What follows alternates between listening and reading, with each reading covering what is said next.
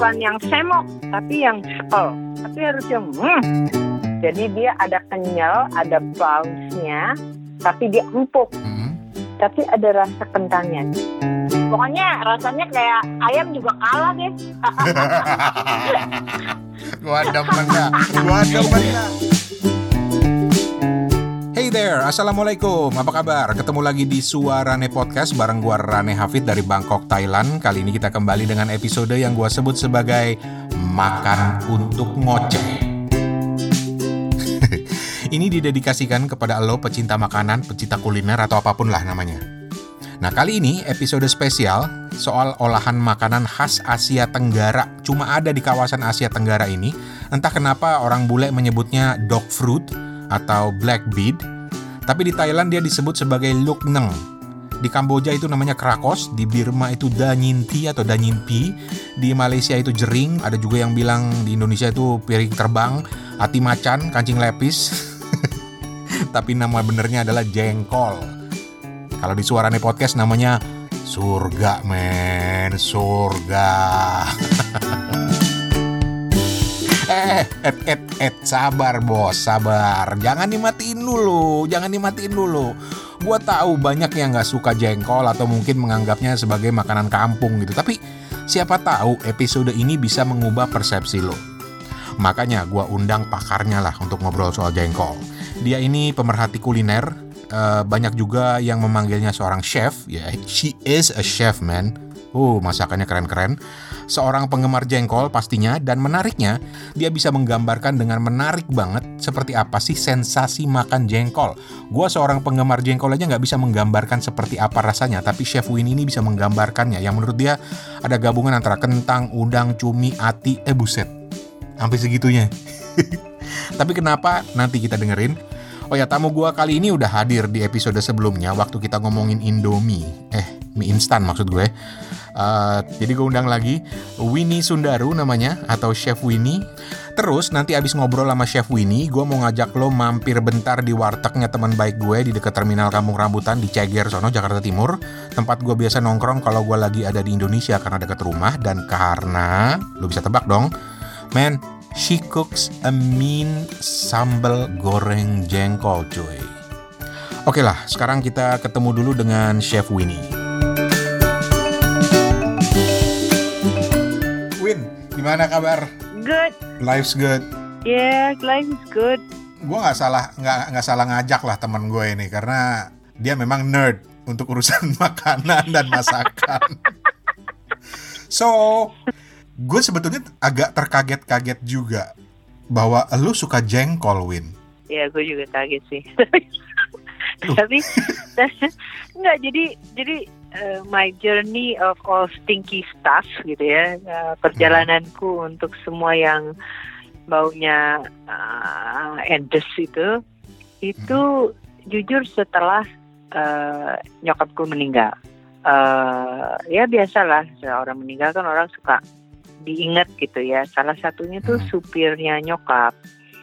Supirnya nyokap itu cerita dulu. Jadi di rumah ini tuh uh, yang yang paham anti stink itu adalah bapak aku dan ya dulu aku dan dan adikku jadi yang yang menyukai hal-hal seperti itu tuh cuman nyokap Oke. dan gue mendapatkan cerita bahwa eh, nyokap itu kalau mau makan duren Hah? dia akan pergi dengan supirnya ini ke say what total buah Alfresh or whatever ya atau Mhm. atau ke, ke, ke kota even ya untuk eh, beli duren beli satu Mhm. dan dia akan makan di mobil dengan jendela terbuka.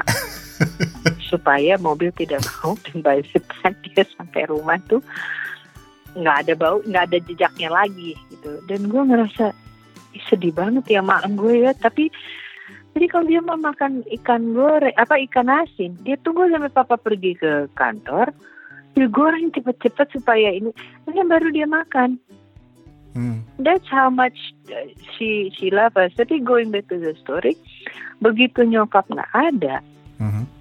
dan gue tahu cerita itu, mungkin itu bentuk gue kangen sama nyokap ya sama almarhum. Tapi itu ya emang journey gitu kan. You have to be willing harus mau ada kemauan untuk bisa bisa appreciate itu sama dengan Iya. what the stinky keju gitu kan. Itu juga oh my god itu kan sama sama aja gitu potennya. Tapi kalau bisa menikmati itu aku percaya bisa kalau kita memang mau mencari quote unquote flahnya itu umaminya itu legitnya itu. Mhm. when you get that yeah you get it. And then uh, eh, karena itu then it became my journey. Karena gue itu orang yang selalu curious.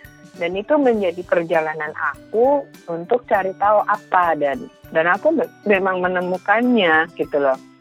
Jadi poinnya adalah menikmatinya kan sebetulnya dan ya makanan apa pun semuanya ada batasannya. gitu. exactly. You know do it the French way. Kan katanya gitu kan eh, d- lakukan dengan cara orang Prancis gitu lo menahan-menahan tapi habis itu lo bludak gitu juga nggak baik gitu loh. Ah, makan sesuai aja gitu. That's why uh, orang-orang Perancis itu kan mengklaim diri dia selalu langsing dan tidak overweight karena dia selalu menjaga porsinya. Gitu. mhm. Oke, kalau kalau buat gue sih Win, kadang-kadang gue mikir lebih karena stigma aja kali bahwa oh pete bau, jengkol bau, orang nggak mau nyoba duluan. Gue inget anak gue itu sampai gue bilang gini, lu gue beliin handphone baru kalau lu makan nih separuh aja nih jengkol, nggak mau. Anyway, tujuan gue bikin episode Jengki ini adalah karena banyak teman-teman yang dengerin ini juga masih muda atau kuliahan gitu ya, yang stigma negatif tentang jengkol itu udah udah udah lama ada, mungkin diturunin Iya. dari orang tuanya atau dari temennya atau dibilang lu makan jengkol lu kampungan banget sih lo gitu, mungkin gitu kan. Tapi gua gue tuh sampai sekarang nggak bisa menjelaskan mungkin lo yang ngerti makanan lo bisa menjelaskan gitu ya rasa jengkol karena orang bilang jengkol tuh ada yang bilang piring terbang ada yang bilang UFO ada yang bilang ati macan gitu Oh, kan oh, segala Ada ah, kalau kalau lo ke rumah makan Padang Garuda Ah, ah. dibilangnya kancing levis.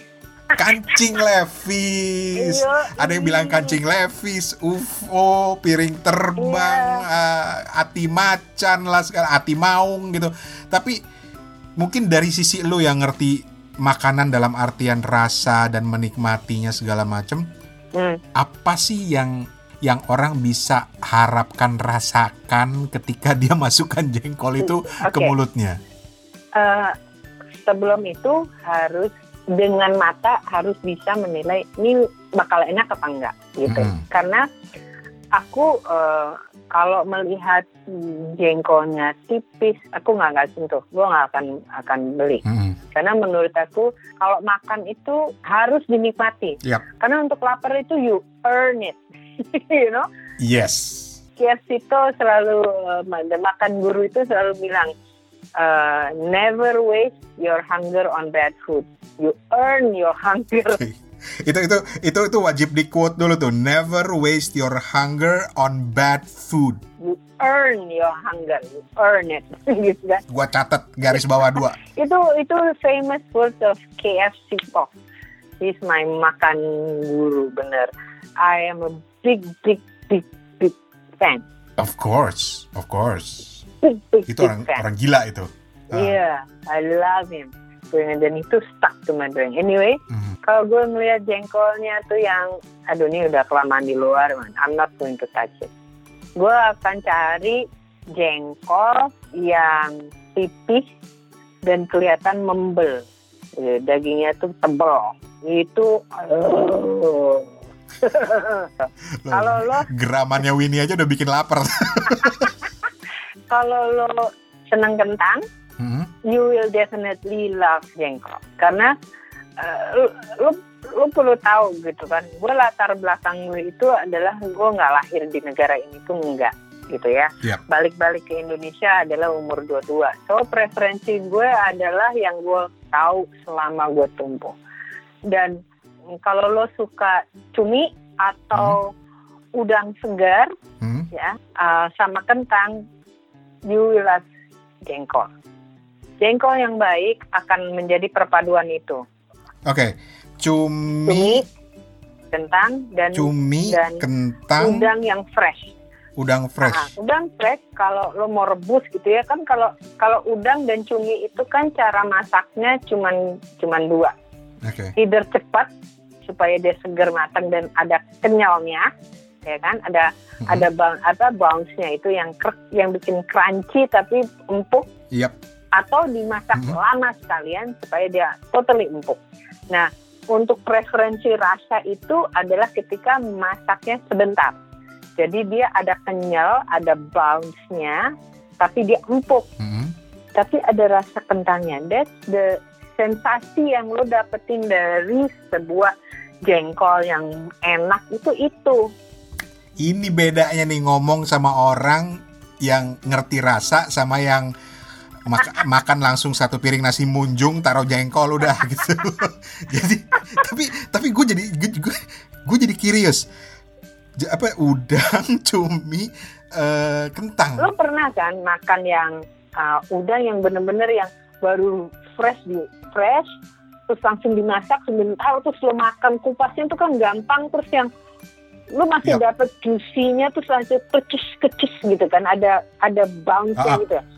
Nah itu dalam Yap. da- di jengkol yang yang baik dan pengalaman baik itu ada rasa kecusnya itu ada. Tapi ada juga keempukan dari kentang. Kalau lo makan semur semur kentang atau kentang yang udah direbus terus kelihatan tuh uh, kayak uh, puffy gitu dia kayaknya wah ini empuknya itu lo dapet juga gitu. Dari dari si jengkol ini. Hmm. jadi apa ya dia ada ada legitnya. Legit itu kan nggak bisa di legit itu adalah perpaduan antara manis dan asin yang pas. Yap. sehingga begitu masuk air liur lo akan keluar kan. Karena dia wow this is it gitu kan.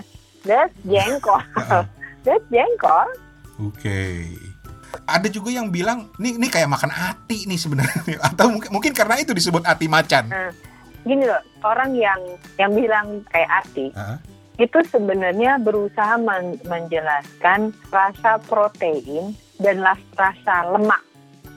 Ati itu kan tinggi kan untuk untuk lemak dan proteinnya gitu kan Yap. dan dan unfortunately kalau di Indonesia tuh sering orang overdo masa masaknya tuh lama banget jadinya hitam dan keras gitu ya. Gue Hmm, hmm, hmm, gue kalau masak yang namanya ati itu sebentar. Pokoknya dia sampai tengahnya matang angkat. Dan gue belajar itu Oke. dari ngelihat orang Perancis dan orang Italia masak atinya Ati. mereka juga makan soalnya bukan cuma orang Asia yang makan itu. Mereka makan. Tapi gue waktu itu pernah di Italia itu dia masak ati eh, dan dan ampela dikasih red wine sama gravy eh, campur sama pasta anjir gue ini kenapa bisa enak ini ya gitu. Terus gue gue liatin gitu kan duduk di situ gue liatin dan gitu oh dia nggak masak lama dia nggak pakai diungkep terus goreng lagi enggak nah Kalau kita kan udah dimasaknya lama, terus diungkep lagi, digoreng, Iya, exactly. di macam-macamin. Exactly. Nah, back to jengki ini. Sebenarnya jengkol yang di, digambar kayak ati itu, itu sebenarnya menciptakan si rasa protein yang legit dan berlemak itu. Hmm. Sehingga lemak itu kan ada sweetness-nya, ada rasa manis asinnya gitu kan ya. Kayak kita kalau mm, masak daging yang banyak fatnya kan akan akan ini sendiri kan rasa umami itu. Ya sama sebenarnya. Itu yang dia coba. Makanya dia bilang kayak hati. Sebenarnya le- kelegitan itu ada di sebuah jengkol. Hey there, lu masih dengerin Suarane Podcast bareng gua Rane Hafid dari Bangkok, Thailand. Oke, kita break bentar ya. Gue cuma mau nanya, ada nggak sih di antara lu yang suka jengkol kayak gue? Terus lu punya rekomendasi tempat makan jengkol yang sadis punya, yang ajib punya nggak?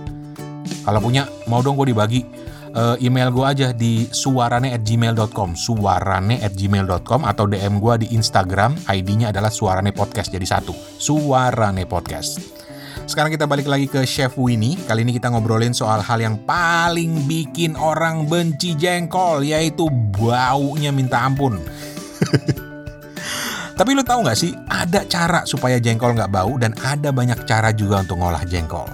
Yuk kita dengerin. Oke, memang awal-awal gue nyoba jengkol tuh stigma gue adalah bau. Hmm. Bau setelah dimakan kayak makan pete. Tapi kan nggak begitu kan Enggak. kalau jengkol kan. Enggak. Bahwa Enggak. begitu lu makan itu nggak bau. Itu sebetulnya baunya itu afternya gitu kan. Akhirnya dan sebenarnya pete pun eh, aku telah menemukan celahnya. Kalau nggak mau bau pete, gini, pete itu kan ada yang bentuknya oval, ada Hmm. yang bulat kan Rene. Yap.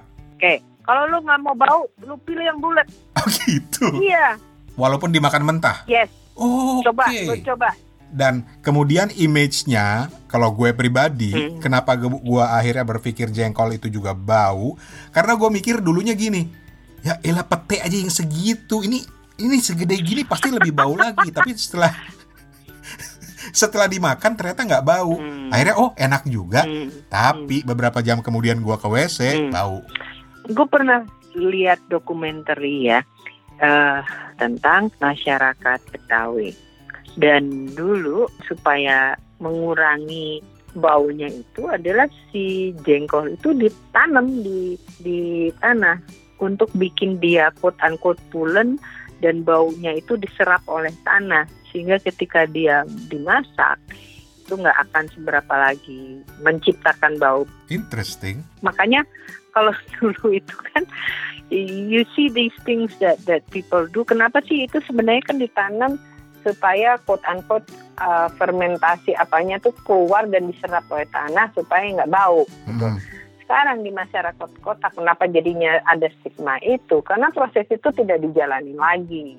Karena ya nggak ada tanahnya. Lu belum tentu punya Tuh, kalau lo di apartemen kan lu nggak ada tanah Lu tanam di lantai bawah gitu, Ah. rum- eh, apartemen lu lantai 10 gitu, hilang tuh jengkol dimakan ayam. gitu. gue pernah sih gue pernah kayak gitu karena gini di rumah at the end, di rumah yang suka jengkol cuma aku ya nobody else likes it gue menurutkan si almarhum mama Ah. gue tanam tuh gue kebetulan ada tanah di rumahku ada tanah hmm, Hmm. ribet bo itu karena begitu eh, begitu lo ini lagi eh, apa gali lagi lo harus bersihin apa berkali-kali which is iya lah cuman jengkol dan karena cuman gue kan nggak seberapa banyak ya gue cuman beli do- 250 gram lah Emang emang berapa lama sih ditanamnya? Eh, waktu itu gue ngeliat dokumenter itu se- semalam sih jadi so the next I, aku masak the next day gitu. Uh, dan itu Hmm. membuat aku gimana caranya bikin ha, yaitu how do I how do I make this more practical? Gue beli pot si tanah. Oke. itu gue iniin juga. Tapi mungkin karena di pot terus jadinya kering it didn't work as well as di tanah. So so oh ternyata perlu agak lembab baru bisa ini supaya nyerapnya tuh keserap gitu kan gitu. Oke then how do I do this tanpa harus gali-gali dan segala tanah dan segala apa? Eh, oh oke coba rendam. Kan kalau di re- ngerem itu kan kayak di ya ditungguin semalam kan gitu. So apa ya Hmm. gue coba rendam dengan air semalam gitu. Eh, it has the same effect gitu. cuman harus harus dicuci lagi air. Tapi kan itu jauh lebih simple dibanding nanam ke tanah gitu kan. Iya, so gue iya. gue menemukan cara itu gitu. Oh oke oke. Kalau gitu kalau gue masak dengan daun ini biasanya kan kayak bay leaf gitu kan bikin ininya lebih enak lebih legit si kaldu etc nya Eh, kan jengkol nggak dimakan sama orang luar nggak mungkin pakai bay leaf gitu kan. Orang Indonesia pakai apa ya? Oh pakai daun salam. Which is itu yang gue lakukan. Terus gue masak dengan daun salam gue gue biasanya masak tuh dua proses gitu jadi setelah semalam gue eh, rendam Rendam. tirisin airnya Ah. besoknya gue masak gue masak dengan pressure cooker karena lebih cepat gue gue pernah coba dengan dengan digodok godok biasa itu lama oh my god lama banget Mm-mm. jadi gue pakai gue pakai pesto dan itu pun gue bikin dua tahap satu tahap 20 menit gue bikin dengan daun salam dengan garam biasa tirisin terus another 20 minutes sometimes only 15 gue kasih eh, baking soda Oh, baking soda. Iya, itu terinspirasi dari orang yang jualan singkong goreng itu loh. Mereka sih sebenarnya kan pakai kapur ya. Yap. kapur kan sebenarnya is like the cheap way of baking soda gitu loh. Hmm. Eh, tapi gue nggak tahu lu pernah denger apa enggak, tapi ada juga yang ditanam Mm-mm. sampai mungkin sekitar seminggu lebih gitu ya sampai dia keluar apa sih istilahnya tunasnya Ya baru dimasak. Uh, dan katanya orang percaya bahwa itu bisa membuat baunya hilang dan juga uh, resiko jengkolannya itu lebih rendah gitu. Gua nggak tahu. It's Pernah dengar nggak sih? true. That's what I did gitu. Ya proses tanam menanam itu kan, itu kan orangnya sangat ya itu gue sangat rasa ingin tahu gue itu selalu sangat ingin jadi gue tunggu gitu tapi um, of course itu akan dia mengubah ya basically your let ya, kita membiarkan si tanaman itu mm, mendewasakan diri cuman buat aku nunggu seminggu Jack bener aja terus untuk 250 gram ini kayaknya oh my god iya kalau lo ingat Hi, habis gue tanam gue lupa Tatonya jadi pohon aja ntar. Yoi. So, um, in, in answer to your question, ya memang betul untuk mengurangi itu bisa. Tapi shortcutnya adalah lo pilih yang uh, jengkol yang uh, jangan bulat kayak golf ball, agak pipih Mhm, ya. Makin ke tengah dia makin tebal gitu ya. Jadi mhm. pipih tapi ya kayak UFO ya. Ya, piring terbang. Tebal di tengah tapi pipih nah, piring terbang pilih kulitnya itu yang enggak hitam atau dark brown yang masih kelihatan ada kayak warna bata coklatnya Mhm. and you'll be fine Catet, gue catet mak. jadi emak manggil. Oke, kamu kan baik-baik aja tanpa harus nunggu seminggu yo, jadi, oke, Win, ini bagian bagian terakhir yang yang jauh lebih penting dari urusan segala macam bau gitu ya, adalah Hmm. cara orang memakan atau mengolah jengkol. Em, gue ke adik adik ipar gue kema- eh, berapa minggu lalu. Dia eh, neneknya tinggal di Rancamaya, Bogor ya. Mhm. Dia kasih gue oleh-oleh bukan kering tempe, tapi kering jengkol. Oke, Terus dibikin kayak ini belado, tapi belado keripik gitu. tunggu tunggu tunggu. Jadi itu jengkolnya diiris-iris atau masih dalam ukuran pipih-pipih? Enggak diiris-iris kayak apa? Kayak Kayak kering kentang, kering tempe. Ah, ah, iya. Dan dibikin kering. Oh, dibikin kering tapi dibumbuin kayak kering kacang tapi yang pedes gitu aduh, pedes pedes cracker enak banget sama nasi, sama nasi panas tuh. Ya Allah. iya asli tinggal orek-orek telur aja jadi Wow. Terus, gue pengalaman gue bikin jengkol itu ya lu kan kan ngerasain oh, gue bikin your your specialty semur. semur eh, semur manis pedas Mhm. jadi sem- bumbu semur tapi gue bikin pedas Mhm. Terus eh, cabai hijau balado gulai, rendang, which is sama dengan kalau si bumbu bumbu rujak. Mhm. Um, terus gue pernah bikin dengan sambal terasi. Uh, oh, gue bikin botok. Gila, jengkol dibikin botok. Iya, gue bikin botok tuh terakhir gue bikin botok. Terus itu di, itu diapain? Di, Jadi uh, gue gue iris kayak stick gitu kayak kayak tempe gitu. Mhm. Ini gue gue gue ini dengan bumbu cabai merah, kencur, terasi, apa sekarang dengan dengan butir kelapa muda, Mhm. pakai daun daun daun salam, pakai teri medan, kukus. Enak banget tuh Narani. Jadi pakai kan kan gue kasih kasih terasi ya di dalamnya. Jadi ada pedes-pedes apa ada ini dari terasinya itu. Aduh. Enak loh itu. Jadi ini buat teman-teman yang lagi dengerin ya, gue satu ke kampus sama Winnie, kita pernah bikin reuni piknik di pinggir danau. Dia datang dengan bertupperware tupperware jengkol, macam-macam olahan, dan di situlah gue merasa, oh man, I'm in heaven, I'm in heaven gitu. Iya, kan waktu itu menunya adalah nasi uduk, ya kan? Ah, Terus ah. gue bawa lah tuh tiga jengkol. Masalah gue uh, bawa uh, semur, Sambal hijau, sambal hijau, sama uh, bumbu rujak. yes. Gue orangnya sekarang emang pelupa, tapi untuk urusan jengkol gue nggak lupa. Terus gue inget kita hari itu merawanin tiga orang Yes. yang belum pernah makan jengkol dan akhirnya makan jengkol. It. Jen- Jengkol virgins. That's Eh. that's it. Tapi ini wah beneran deh. Pokoknya gue kalau mudik gue minta lagi jengkol buatan lo. anyway, Iya, lo kalau ke kalau sini nanti kasih tahu, ku bikinin itu si botok itu. iya iya. Lu belum pernah Jadi ngicipin gue kan? nggak bayangin botok tapi ya, tapi masuk akal sih karena orang juga narok pete kan dalam botok kan ya. Exactly. Oke, Oke. gue bisa ngerti lah ya sambal goreng, sambal ijo, terasi, rendang, balado gitu. Itu itu memang me- kombinasi yang bagus yang mem- mem- memunculkan rasa Mhm. jengkolnya terus dikombinasi dengan macam-macam bumbunya Mhm. jadi lebih enak. Tapi gue dikirimin foto sama temen gue Hmm. daftar menu di salah satu warung jengkol terkenal katanya di Jakarta sekarang itu di situ ada soto betawi jengkol ada tongseng jengkol Oke. Men- men- menurut lu I think itu bisa, bisa masuk akal gitu loh Rani karena basically kalau kalau soto eh, apa bedanya sama gulai sih sebenarnya?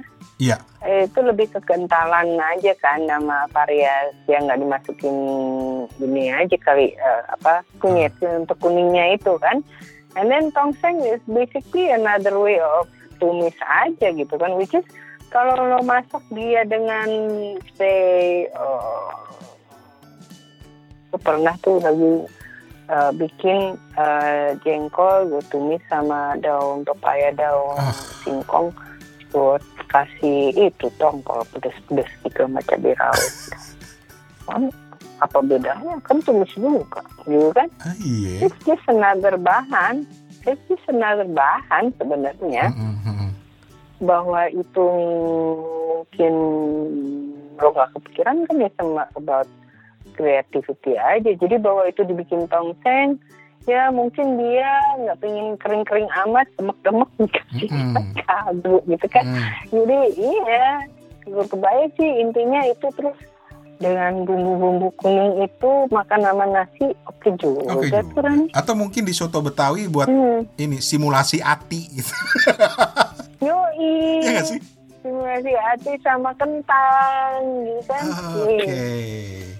What is your most favorite uh, olahan jengkol Ah, gue tumis cabai hijau tapi gue pakein urat dan kikil. urat dan kikil Iya. lu cara ngomong aja bikin gue stres Win Karena gue nggak bayangin gitu.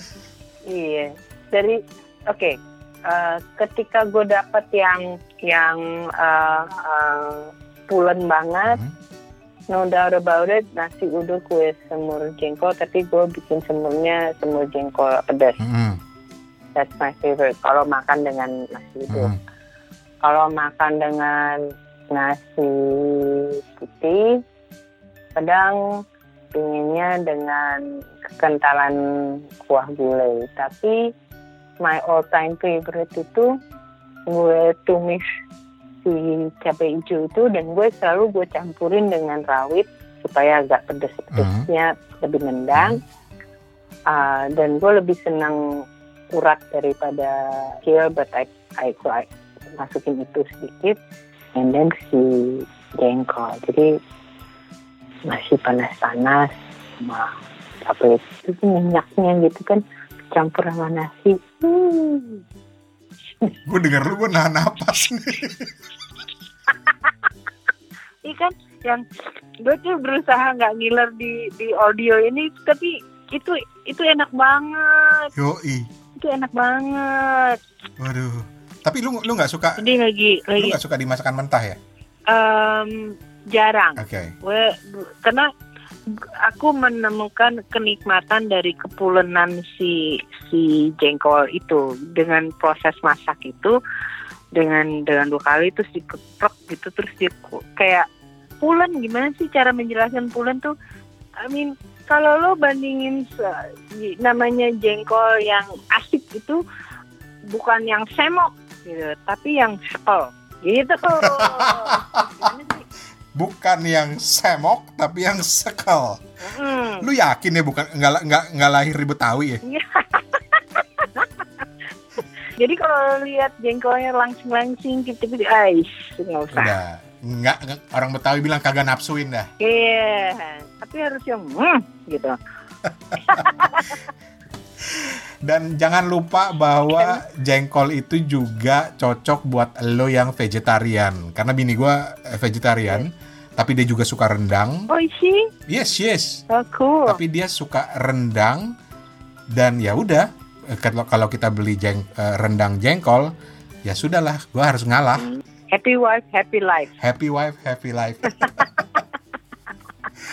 so, ya, jengkol juga alternatif yang menarik untuk ngeluarin rasa umami bagi lo yang vegetarian. Iya, that's very true. Itu benar banget. So, Winnie, thank you banget, thank you banget. Sama-sama Rani. Oke, Take care. You, bye. oke, bye-bye.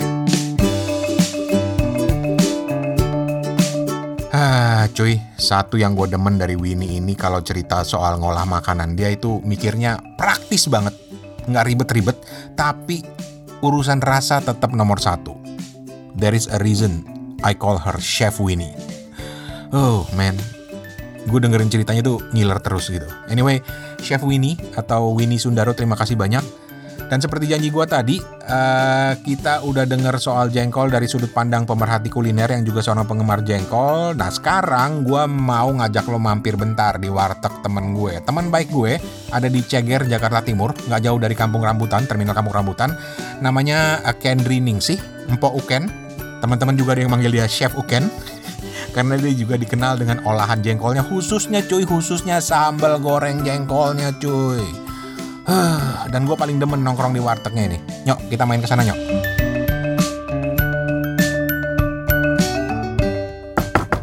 Assalamualaikum. Waalaikumsalam. Sehat po? Alhamdulillah. Aduh, biasa po. Sambal goreng jengkol sama nasi sepiring. Nasinya yang panas ya, yang panas. Siap, ke baskom juga boleh. Lagi ada semur jengkol nggak? Atau ada masakan jengkol nggak di warung sekarang? Udah habis. Ya, lo kan gitu mau gua. Gelet. Jengkol mah laku banget, Bang. Iya kan? Jadi gue tuh kalau nginget jengkol tuh selalu inget main ke warung lo kan. Makasih dong kalau gitu. Lu di warung tuh biasanya jengkol lu bikin apa sih? Lu masak apa sih? Kalau jengkol kadang-kadang banyak sih kita bikin variasi, tapi ya karena aku buka warungnya cuma ya warteg lah. Ibarat kata kan konsumennya juga bukan yang ke atas gitu lah, menengah ke bawah. Biasanya sih aku bikin yang simple, yang sederhana aja. Paling kalau nggak disambelin, disemur, direndang. Tapi paling suka, paling sering tuh direndang sama disambelin gitu loh bang. Seleranya ya begitulah, jadi nggak di model-model. Emang di model-model diapain? Ih, sekarang kan banyak jengkol kayak model Republik Jengkol itu tuh jengkol dibikin macem-macem olahannya. Macam jengkol stick, jengkol apa, rica-rica, ah banyak deh bentuknya itu. Lalu lu lu nggak nggak pengen nyoba? Kayaknya lidah-lidah warteg kurang ini deh, Ren. Kurang kurang cocok ya? ya kurang cocok. Jadi seringnya ya itu antara disambelin, direndang, sama dijeng disemur aja sih. Oh, yang bikin gue selalu kebayang-bayang tuh yang disambelin tuh. Nah, enak kan? Beuh. Mantep. Apalagi kalau pakai rawit jahanam tuh yang pedes tuh rawit merah, wih mantap. Beuh. Itu nasinya bisa nambah gue tuh. Ih, masih sih. Lu tuh dalam sehari di warung lu itu eh, pasti ada lah jengkol ya. Pasti. Itu sekali masak buat sehari itu bisa berapa banyak lu ngolah jengkol tuh? Biasanya 3 kilo ya. Sekilo setengah, sekilo setengah gitu. Sekilo sekilo kadang-kadang tuh tiga variasi macem. Kalau milih jengkol yang enak itu diapain sih Ken? Atau gimana sih caranya? Sebenarnya jengkol itu kan kadang-kadang macem-macem ya. Jadi kalau yang bagus itu dia kayak mengkilat gitu Ren. Kalau udah dibuka kulit luarnya itu kayak jengkolnya tuh kayak gede tapi dia keras gitu loh. Beuh. Kita pencet itu nggak bisa. Itu pokoknya kulitnya pun kulit dalamnya itu kayaknya men- mengkilat gimana gitu. Itu ya jengkol yang bagus itu. Itu jengkol super kalau yang kayak gitu. Oh. Pokoknya rasanya kayak ayam juga kalah deh. gua demen dah. Gua demen dah. Ayam juga putus tuh kalau sama jengkol yang udah pulen banget deh. Pokoknya sepiring juga nggak berasa itu makanya. Sekilo berapa sekarang jengkol sekilo? Ah kalau yang tua kayak gitu berkisar 50.000 ribu sekarang. Sekilo. Yo di Jakarta. Kalah kan ayam? Buset. Itu itu yang super ya. Oke. Eh, orang tuh kalau selera jengkol kan beda-beda kan ya. Ada yang suka yang udah mateng banget. Jadi kalau digigit tuh masih eh, apa udah eh, langsung langsung hancur gitu. Ada yang Iya. masih pengen yang ada kres-kresnya gitu loh. Kalau khas masakan lu sendiri gimana, Ken? Kalau gue biasanya kalau masak itu justru digodoknya biar agak lama ya. Jadi dia legit gitu. Jadi godoknya biar agak lama, terus digecrap. Nah, baru dibumbuin tuh, diolah. Hmm. Jadi bumbu bumbu itu karena jengkolnya udah kita apa ya? Kalau digecrap tuh bahasa bagusnya apa ya? ya udah gak usah bagus-bagus, yang penting enak.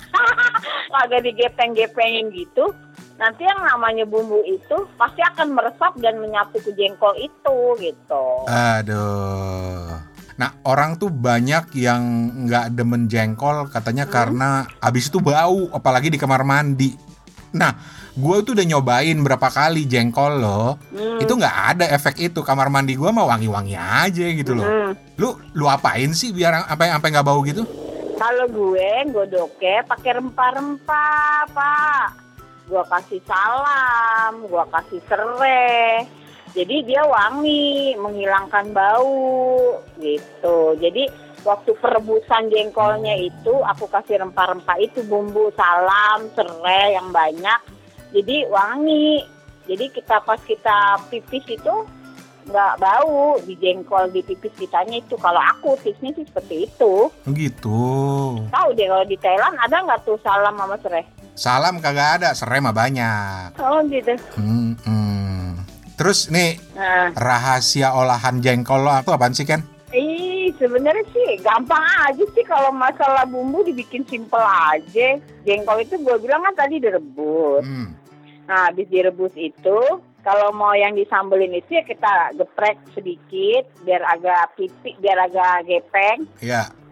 Nah, setelah itu udah digepeng itu kalau yang mau disambelin itu kita agak goreng sedikit setelah dipipihin gitu Oh. Kita agak goreng tuh eh, Bang Rani kita goreng setelah digoreng jangan kering-kering ya asal cemek-cemek aja diangkat Ya. baru kita tumisin bumbu. Nah, bumbunya ini kalau yang disambelin cukup pakai bawang merah, bawang putih, cabe. Kalau mau berani pedas, kita kasih rawit merah tuh di bumbu itu kita ulek. Hmm. Kita gongso biar wangi, kita kasih salam serai lagi. Nah, jengkol yang udah setengah mateng digoreng itu kita masukin. Ya, tetaplah kita kasih garam ya, sama kasih gula sedikit. Pasti. Udah sebenarnya sih tipsnya itu aja sih. Oh. Itu aja. Yo, Lu lagi di warung ya? iya. Sambil ngelayanin orang. Ah, ah, nggak apa-apa sih, udah mau nutup juga. Oke. Kalau buat selera lo, lu demen tuh jengkol tuh diolah apaan?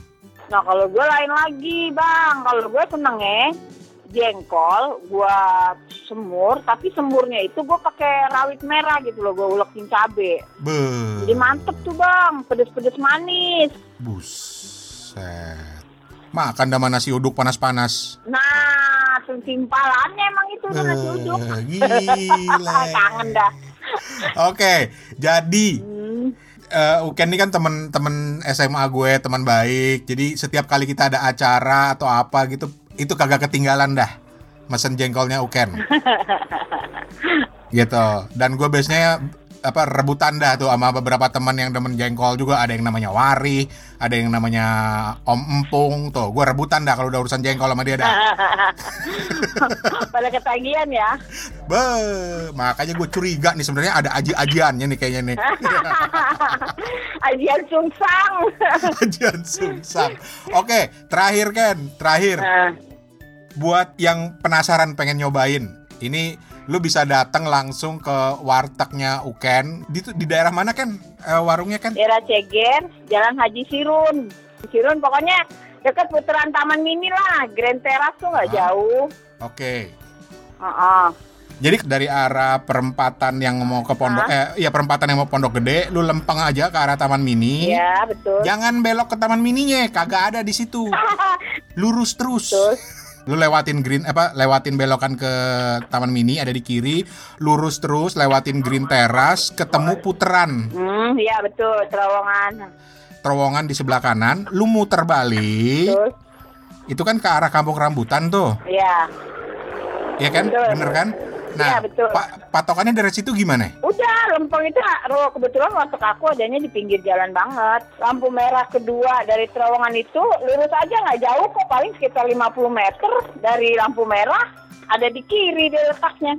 Lampu merah kedua setelah terowongan, lu jalan pelan-pelan ambil kiri. Nah, kelihatan tuh warteg. eh, Satu-satunya warteg ada di situ deket bengkel kalau nggak salah ya. iya betul deket bengkel. Ah, tapi jangan kelewatan karena lu kelewatan lu sampai kampung rambutan Nah, ntar. puternya rada ribet kalau kelewatan. Lu lu saingan sama Metro Mini. Oh, makanya kalau udah lampu merah, pelan-pelan aja tuh paling 50 meter juga kelihatan ada warteg di pinggir jalan. Nah, itu lu tanya di situ yang namanya Chef Uken yang mana?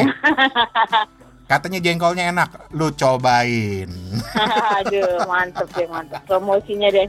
Kudu itu yang penting dan itu rekomendasi langsung dari gue sebagai seorang penggemar jengkol. Asik. Oke, sukses dengan warung lu Terima kan. kasih banyak, Rani. Sama sukses juga ya di sana ya.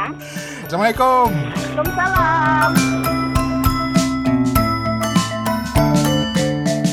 Aduh, alhamdulillah kenyang dah habis mampir di wartegnya Mpok Uken atau Ken Drining sih, teman baik gue. Dan setelah sebelumnya kita juga ngobrol dengan Winnie Sundaru atau Chef Winnie, seorang pemerhati kuliner and a great chef. Ya udah, semoga lo suka episode ini yang ngobrolin soal jengkol. Lo punya ide lain makanan apa yang akan kita bahas di sini atau lo punya rekomendasi tempat makan yang asik-asik?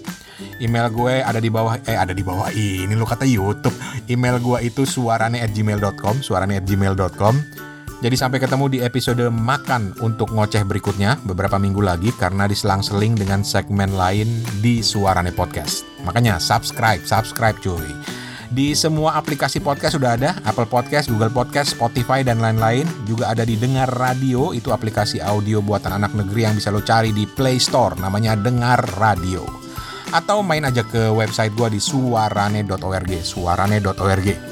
Dan terakhir, gua mau tinggalin lo dengan satu quote menarik dari obrolan gua dengan Chef Winnie tadi. Ini quote sebenarnya dari seorang pemerhati kuliner kondang di Singapura namanya KF Sito. Dia bilang begini, Never, never waste your hunger on bad food. You earn your hunger. Kalau terjemahan versi gue mungkin gini ya. Eh Tong, kalau udah lapar Tong, rugi amat lo kalau makan makanan yang gak enak. Beneran. ya udah, Rane Hafid pamit. Permisi. Assalamualaikum.